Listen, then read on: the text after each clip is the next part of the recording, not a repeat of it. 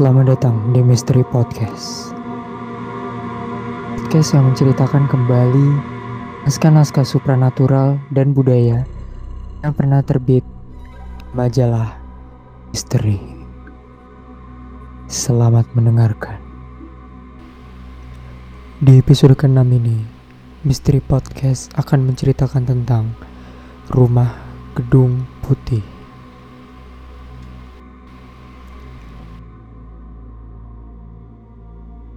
Ini kali pertama aku mengalami mimpi mengerikan. Mimpi aneh ini berawal ketika aku bekerja di sebuah pabrik besar di kota Bogor.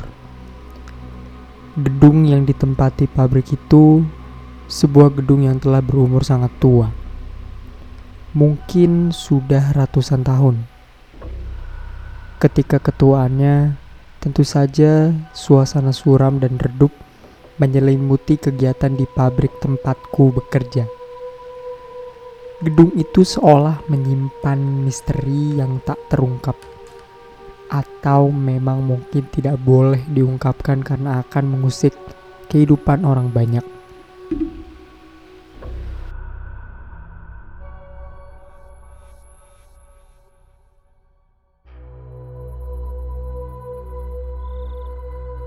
Tapi seseorang telah datang dalam mimpiku. Sosok itu selalu mengawasi, mengejek, bahkan mencoba mengambil jiwaku. Ini terjadi hampir tiap malam. Ya, sosok hadir lewat mimpi itu sepertinya sengaja datang untuk menjadikan diriku sebagai tumbal dari apa yang disebut sebagai rumah gedung putih itu. Sejak mimpi itu sering datang, aku memang mulai sering sakit-sakitan, dan pikiranku juga kacau, bahkan seperti melayang-layang tidak karuan. Benar-benar aku lupa urusan apa saja Bahkan pesan-pesan penting yang harus disampaikan untuk atasanku juga terlupakan dengan begitu saja. Keadaan ini tentu saja sangat mempengaruhi kinerjaku di pabrik. Apalagi aku juga mulai merasakan suasana ruangan kantor di pabrikku yang rasanya mulai tidak nyaman. Ini terutama sekali terjadi karena aku merasa seolah ada sepasang mata yang selalu mengawasi gerak-geriku. Tapi dia tidak jelas wujudnya. Tidak hanya sebatas itu kanen yang kualami. Manakala suasana pabrik sudah mulai sepi, suara seseorang sepertinya berbisik terus dan terdengar jelas di telingaku kadang-kadang juga disertai kemunculan perempuan berbaju putih dan berwajah pucat. Dia datang mengintai di selakain gorden jendela ruangan, seolah berusaha menangkapku untuk dibawanya pergi entah ke mana.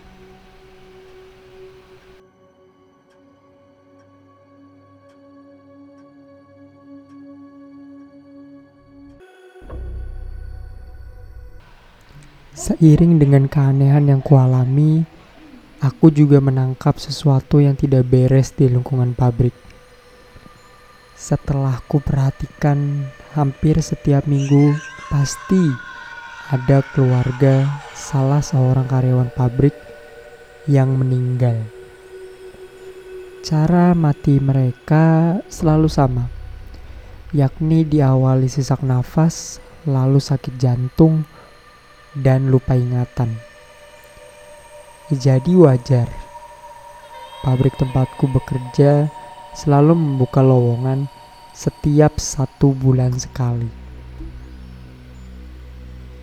Semua kejadian tersebut sepertinya berkaitan dengan rangkaian mimpi buruk yang terus datang dalam tidurku.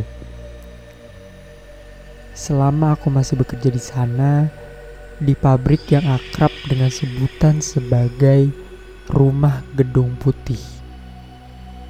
Entah mengapa dan dengan alasan apa, Saat itu aku disuruh lembur sendiri. Setelah menyelesaikan semua pekerjaan dan jam lembur telah usai, aku bergegas hendak segera pulang. Tapi sungguh aneh. Tiba-tiba aku sudah berada di tepi jalan dalam suasana kota Bogor tahun 60-an. Hal ini nampak jelas dari sebuah papan nama yang berada di depanku. Langit memerah, hari beranjak senja. Di kejauhan terlihat kerlap-kerlip cahaya lampu minyak yang ditiup angin malam. Sungguh, tempat ini sangat asing, dan yang tidak ku mengerti kenapa aku bisa sampai di sini. Dengan warna langit yang mulai kelam, aku seperti berada di dalam masa silam. Tidak ada lampu listrik penerangan jalan, yang ada hanya sinar bulan dan kerlap-kerlip lampu minyak di tepi jalan.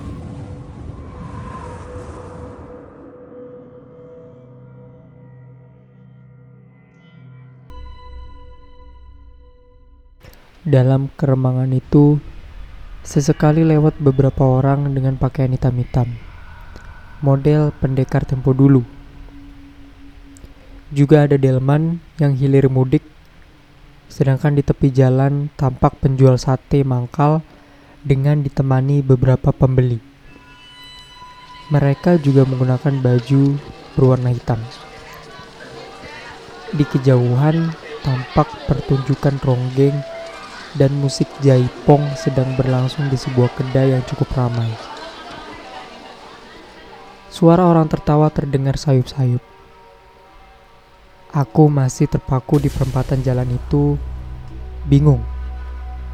Sementara tempatku berpijak, tanahnya perlahan terasa mulai memerah dan basah.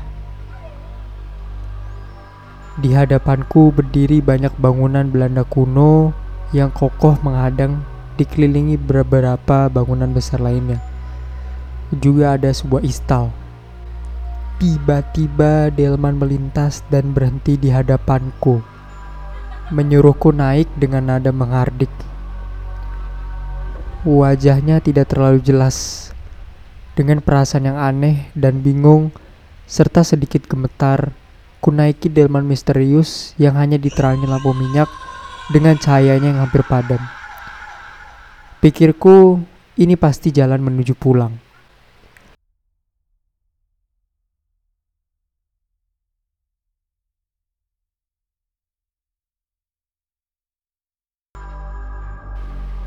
Perjalanan aneh pun dimulai.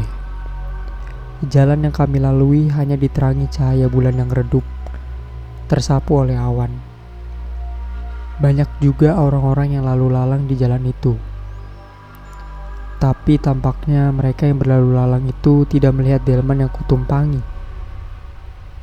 Bahkan mereka seolah tidak mengenal satu sama lain. Aneh, pikirku.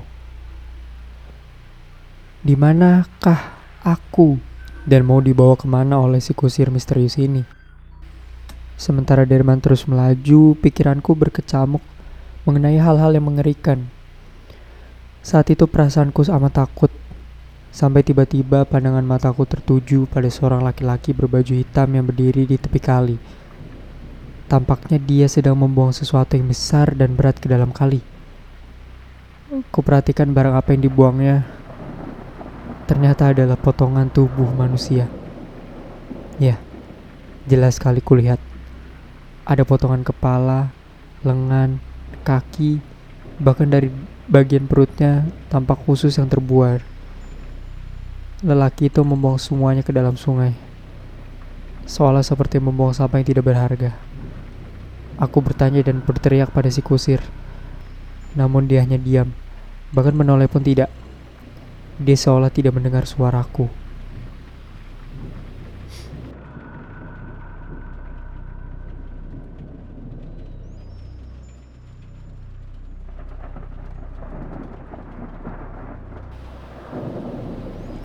Dalam perasaan takut yang teramat sangat, ku perhatikan jalan tanah yang kami lalui berwarna merah pekat seperti darah dan nampak sangat lengket.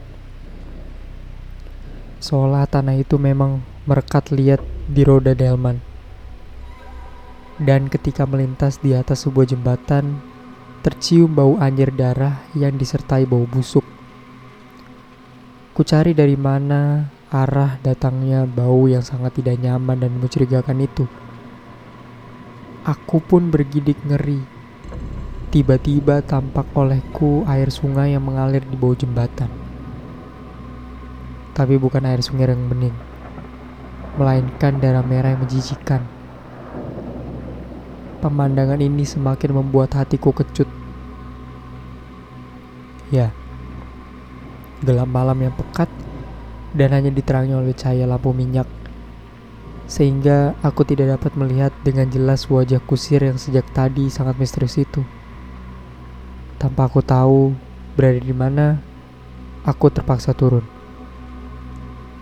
Dengan amat takut dan ngeri, aku turun dari delman aneh itu. Lalu si kusir dengan cepat menghela kudanya dan meninggalkanku di tepi jalan sendirian. Di mana ini? Tanyaku lirih sambil melihat sekeliling.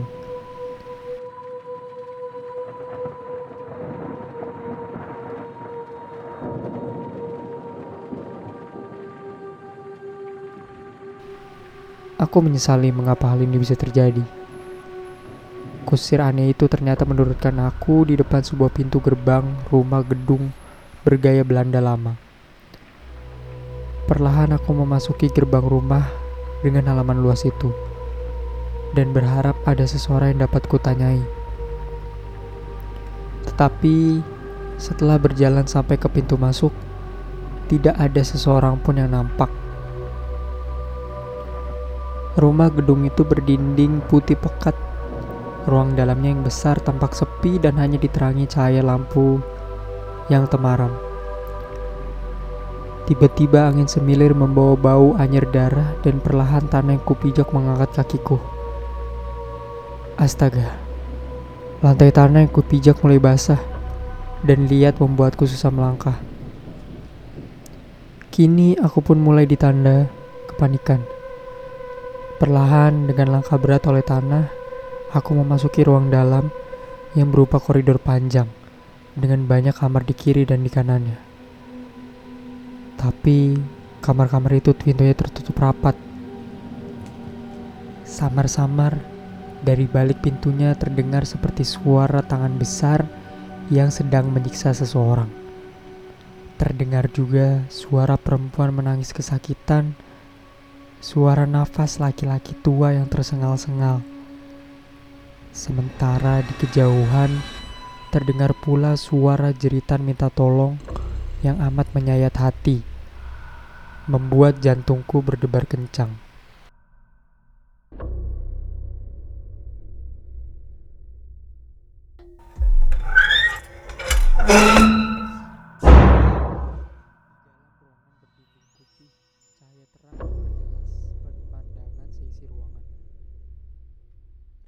Besi yang sudah tua berselimut kain merah darah.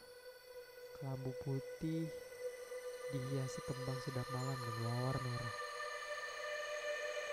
Aku terpaku di buatnya. Jantungku terkesan kosong dan mengkerut tanpa darah. Lalu seakan berhenti berdetak. Seperti ada sepotong tangan besar yang mendorongku masuk. Aku pun terjerembab di atas tanah kamar tersebut. Tidak ada jawaban. Yang ada hanya sepi yang begitu menyeramkan. Karena yang terjadi setelah doaku. Aku berdoa namun tiba-tiba ada sesuatu kekuatan besar dalam diriku untuk berlari meninggalkan kamar putih itu. Sekalipun tanah liat seolah mencengkeram kakiku. Aku berlari sekuat tenaga menghambur ke halaman-halaman luar yang luas meninggalkan rumah putih itu. Ketika sampai di pinggir jalan, sebuah delman melintas dan berhenti di depanku. Aku tidak ingin naik. Takut dia membawaku kembali ke rumah putih itu lagi. Aku segera berlari meninggalkannya. Tetapi delman itu terus mengejarku dan aku semakin takut. Dan tak kenapa, Tanpa pikir panjang, segera saja ku naiki delman itu. Ku tengok ke belakang ada sebuah bayangan hitam yang mengejarku, seolah ingin menggapai tubuhku. Tak lama setelah delman melarikanku, entah bagaimana kepalaku pusing dan aku tidak ingat lagi. Tahu-tahu aku sudah berada di rumah saudaraku di Sukabumi yang membuatku heran, keadaanku saat itu sudah sakit parah. Karena cemas melihat kondisi tubuhku, seorang keluargaku segera membawa berobat ke pengobatan alternatif di Sukabumi.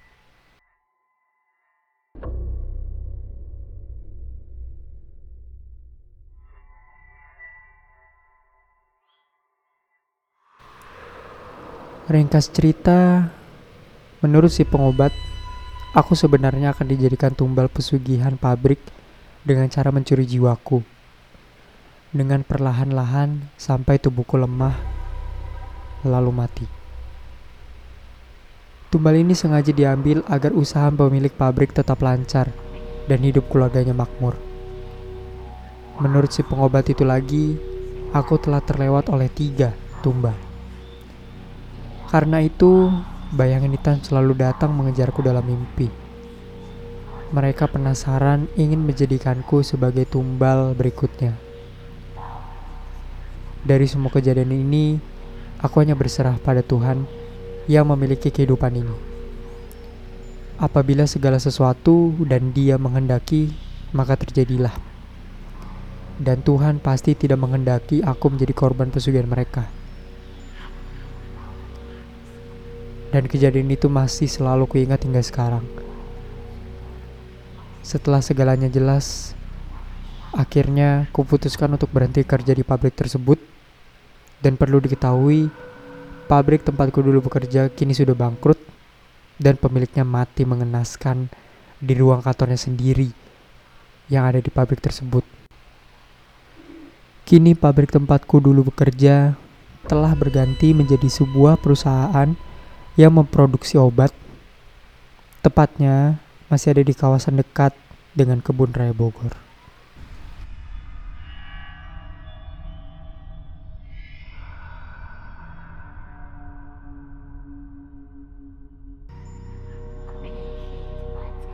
Terima kasih telah mendengarkan Misteri Podcast.